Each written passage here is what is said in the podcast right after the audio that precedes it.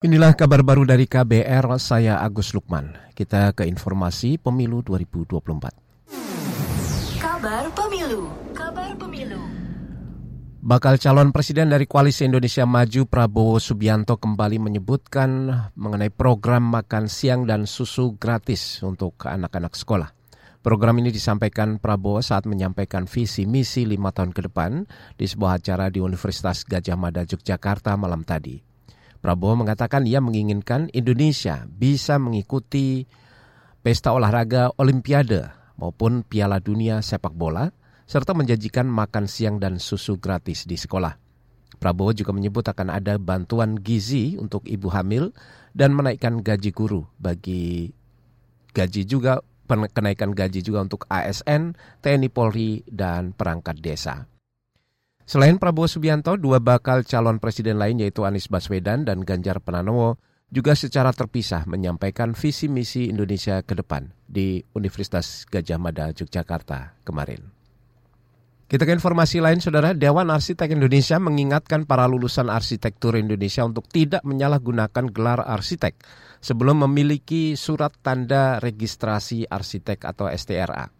Ketua, Komite, Ketua dan Komite Pengaduan Pengawasan di Dewan Arsitek Indonesia, Bambang R. Yudawan mengatakan, DAI banyak menemukan penyalahgunaan gelar arsitek atau penggunaan gelar arsitek secara ilegal.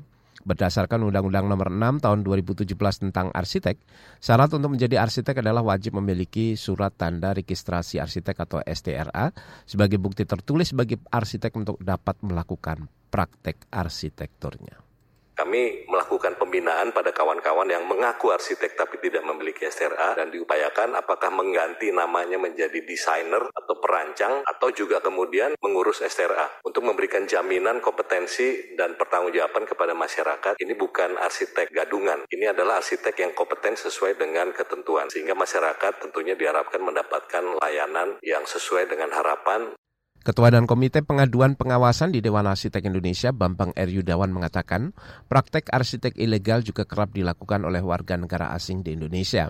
DAI kini melakukan penyisiran untuk menertibkan praktek arsitek ilegal termasuk terhadap warga asing dengan berkoordinasi dengan Direktorat Jenderal Imigrasi dan Bareskrim Polri. Kita ke Yogyakarta, Saudara.